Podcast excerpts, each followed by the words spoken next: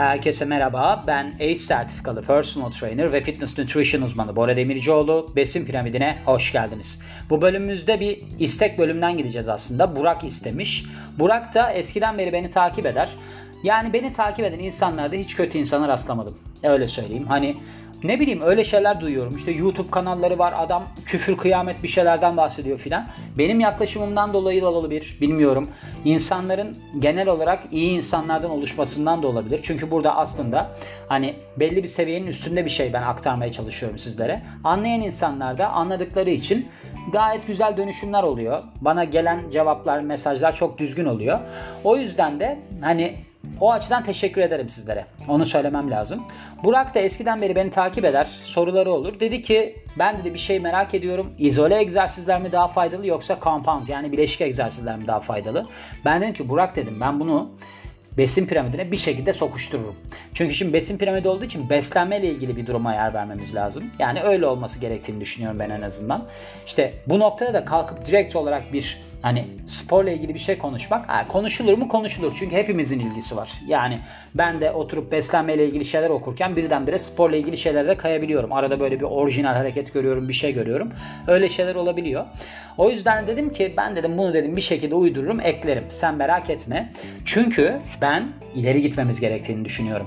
Yani kafamızda böyle soru işaretleri kalmasın istiyorum. Şimdi Bora ile biyografiler diye başka bir podcast'im daha var benim biliyorsunuzdur belki. Orada da işte mesela dediler ki bana ben oraya videolar koyuyorum, video biyografiler koyuyorum. Onunla beraber de altına Türkçelerini yazıyorum. Bana dediler ki neden dediler direkt Türkçe video koymuyorsun. Hani Türkçesi olsun videonun diye. Ben dedim ki çünkü ben altına Türkçelerini koyuyorum. İnsanlar üstte İngilizce ya da Rusça o. Yani Rusçası biraz zor tabii yani herkes onu öğrenemez Rusça Kiril alfabesi olduğu için de. Eğer ki insanlar yukarıdan baktıklarında aşağıdan da Türkçesine baktıklarında onların İngilizcesine bir katkısı olursa ne mutlu bana. Ya da insanlar bakar mesela ilham alır der ki ya bu çocuk Rusça öğrenmiş ki kitaptan öğrendim. Der ki ben de öğrenebilirim demek ki. Böyle şeyler istiyorum yani. Bu noktada da şimdi Burak bana sorduğunda işte bileşik egzersiz mi böyle yoksa izole egzersiz mi daha iyidir filan diye.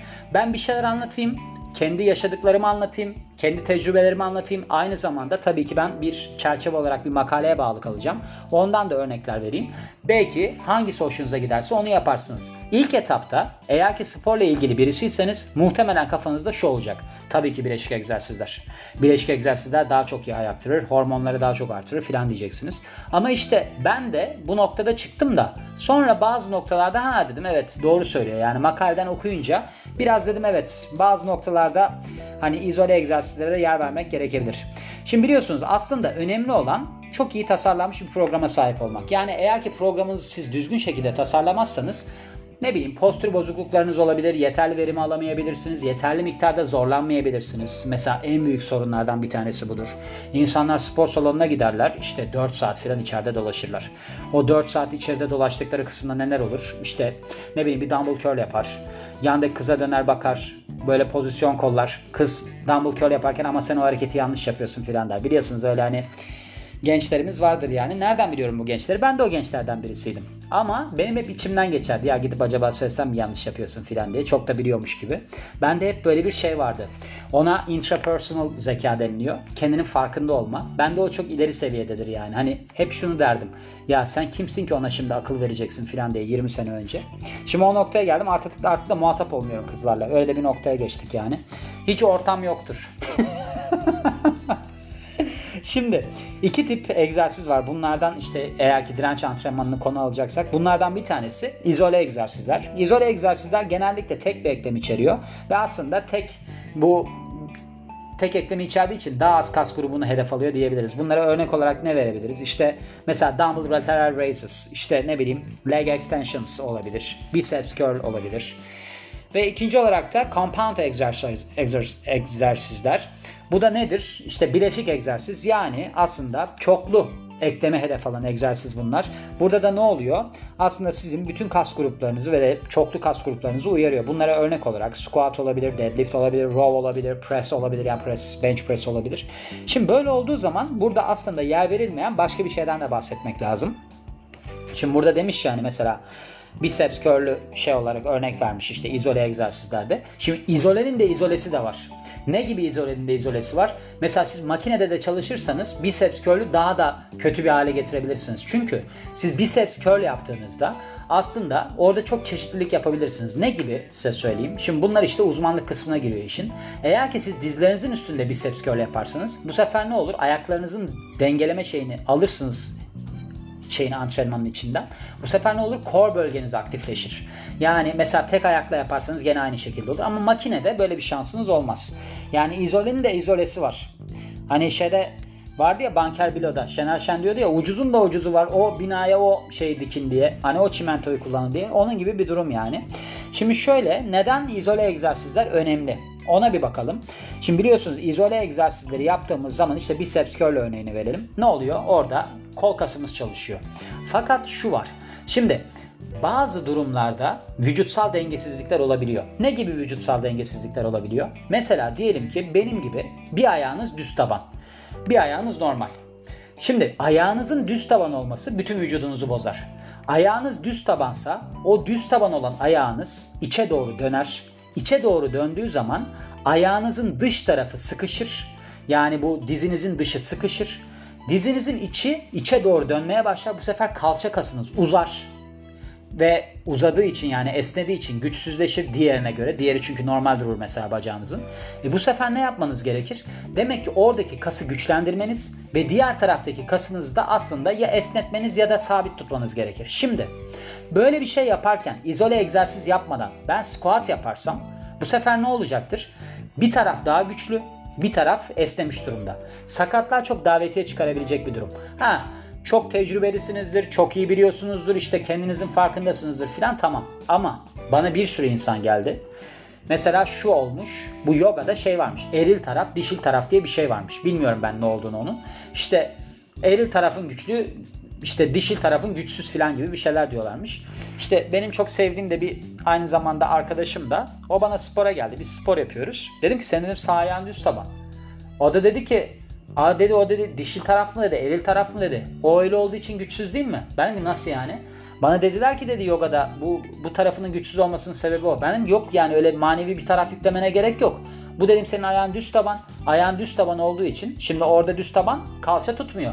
Kalça tutmuyor çünkü esnemiş. Ona göre bir egzersiz yapılması lazım. Onu nasıl yapar? Mesela tek ayak üzerinde denge hareketleri var.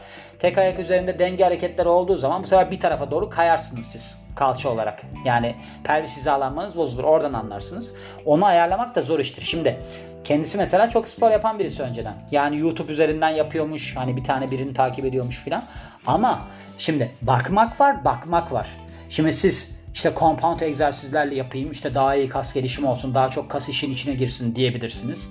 Ama e, sizin bir tarafınızda zayıflık varsa diyelim ki bir tarafınız düştünüz bir tarafınızı kırdınız. Kolunuzu çıkardığınız zaman kas atrofiye uğramış oluyor.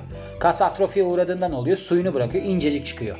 E şimdi siz o çıkardığınız kol haricindeki kolu çalıştırdığınızı düşünelim 3 hafta boyunca. E onda bir gelişme olacaktır öbüründe olmayacaktır. E bu sefer siz kalkıp da mesela barbell curl yaparsanız e gelişmemiş kolla gelişmiş kol gene aynı olacaktır. Ha ben şunu mesela ben en son federasyonda eğitim alırken çok değerli bir hocamız vardı Melih Hoca. Ona da sordum. Hani dedim bu eğer ki böyle yaparsak hani biz zayıf kasla güçlü kası aynı anda çalıştırırsak ikisi eşit noktaya mı gelir diye. Yani benim kafama da yatmıyordu bu arada da. O dedi ki hayır dedi öyle olmaz. Yani onu izole olarak çalıştırman lazım. Evet doğru şimdi yani bir taraf daha çok genişleyecektir. O zaman simetri kaybı olur. Yani aslında compound egzersizler sizin mükemmel bir vücudunuzun olmasını düşünür. Yani öyle bir vücut vardır ve onun üzerine bir şey yaparsınız. Ama izole egzersizler sizin vücudunuzda kusurlar olabilir ki çoğu insanda vardır. Yani şunun gibi düşünün. Siz bir tane altyapı hazırlıyorsunuz. Kabasını yapıyorsunuz. O detaylar, dekorasyon biraz izoleye giriyor. Yani siz tamamen yapıyorsunuz. Ondan sonra bir detay koyuyorsunuz. Bir de ikinci kısmı siz izole egzersizleri yaparak kas grubunu güçlendirirsiniz. Ondan sonra compound yani bileşik egzersizleri yaparken daha rahat yaparsınız. Şunu düşünün. Siz işte hamstring kaslarınız bir squat hareketi yaptığınızı düşünürsek arka bacak yani hamstring kaslarınız, quadriceps kaslarınız, işte karın kaslarınız bilmem ne hepsi dengeli olarak çalışmalı hareketi yapabilmeniz için. Yoksa mesela sizin sırt kasınız güçlü değilse barla squat yaparken öne doğru düşersiniz. Yani ya da esnekliğiniz düşükse bu sefer hamstring esnekliğiniz düşükse bu sefer ne olur? Siz tam inemezsiniz. Hani ikisinin dengesizliği başlar. O yüzden aslında antrenman programı hazırlanırken öncelikle izole egzersizler yapılmalı benim fikrim. Ondan sonra çok ağır olmamak şartıyla compound egzersizler yapılmalı. Sonra arada böyle bir geri kalmış vücut parçaları varsa, vücut bölümleri varsa onlar üzerine izole egzersiz yapılmalı. Yani sadece bu ya da sadece bu olarak değil. Hazırlık tamamını yapma, ondan sonra rötuş. O şekilde gitmeli. Bunun haricinde yağ yakımı olarak nelere faydası var? Şimdi yağ yakımı ne kadar çok kas grubu devreye girerse o kadar çok yağ yakılır. Yani bu iki kere iki dörttür. Bunu herkesin anlayabileceğini düşünüyorum. Şöyle düşünün. Leg extension hareketi yapıyorsunuz. Neye işe yarıyor bu burada? İşte sizin quadriceps kaslarınızı geliştiriyor. Tamam. Squat yapıyorsunuz. Ne işe yarıyor? Quadriceps kaslarınızı geliştiriyor. Tamam. Gluteus maximus yani kalça kasınızı geliştiriyor. Tamam. Hamstring. Tamam. İşte core bölge tamam. E bu sefer ne oluyor? Yani şimdiden saydığımda ben bütün kas isimlerini saymayayım da 4-5 tane kas sayıyorsunuz yani. O zaman ne oluyor? Aslında diğerini yaptığınıza göre o kadar zorluk oluyor. O kadar zor bir şekilde devam ediyorsunuz. O yüzden ben şöyle yaparım. Yağ yakımını artırma, artırdığı bir gerçek. Aynı zamanda testosteron büyüme hormonu seviyelerini de bayağı bir etkiler. Bacak çalışmaları özellikle. Şundan ben her zaman yanayım. Antrenman programı hazırlamak çok önemli bir şeydir. Antrenman programı ile beraber beslenmeye hazırlamak da çok önemli bir şeydir. Bir de işte bu fitness nutrition durumu burada devreye giriyor. Şimdi siz bir egzersiz yaptığınızda, bir antrenman yaptığınızda, mesela compound egzersiz yaptığınızda antrenmanı çıkarabilecek şekilde beslenmiyorsanız antrenmanı çıkaramazsınız. Antrenmanı çıkaramadığınız zaman bu sefer ne olur? Siz manipüle edemediğiniz için e, antrenmanda bir zorlama yaşamazsınız, kasınız gelişmez. Şimdi o noktada şimdi siz kalkıp da mesela carb cycling yani karbonhidrat döngüsü. Siz karbonhidrat döngüsü yapıyorsunuz. O zaman devam ediyorsunuz. Olabilir bu. Ama şu var.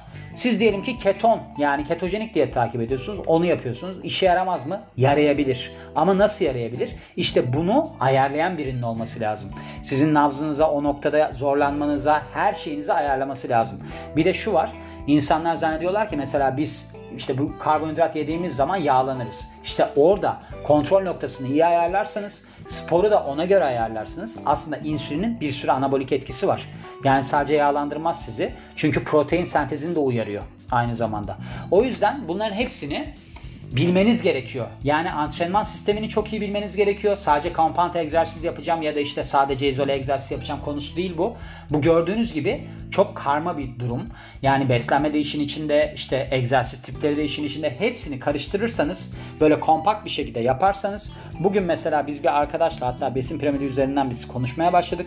Konuştuk antrenman nasıl yaparız, nasıl ederiz, nasıl ayarlarız filan diye. Ben kendisine dedim ki 3 gün yeter. Çok şaşırdı. Dedi ki 3 gün yeter mi? Ben ki 3 gün yeter. Ama şu var. 3 gün zaten çok ağır gelir. Adam gibi antrenman yapıyorsanız. Onun haricindeki kısım ne biliyor musunuz? Onun haricindeki kısım işte sizin gün içerisindeki aktifliğiniz.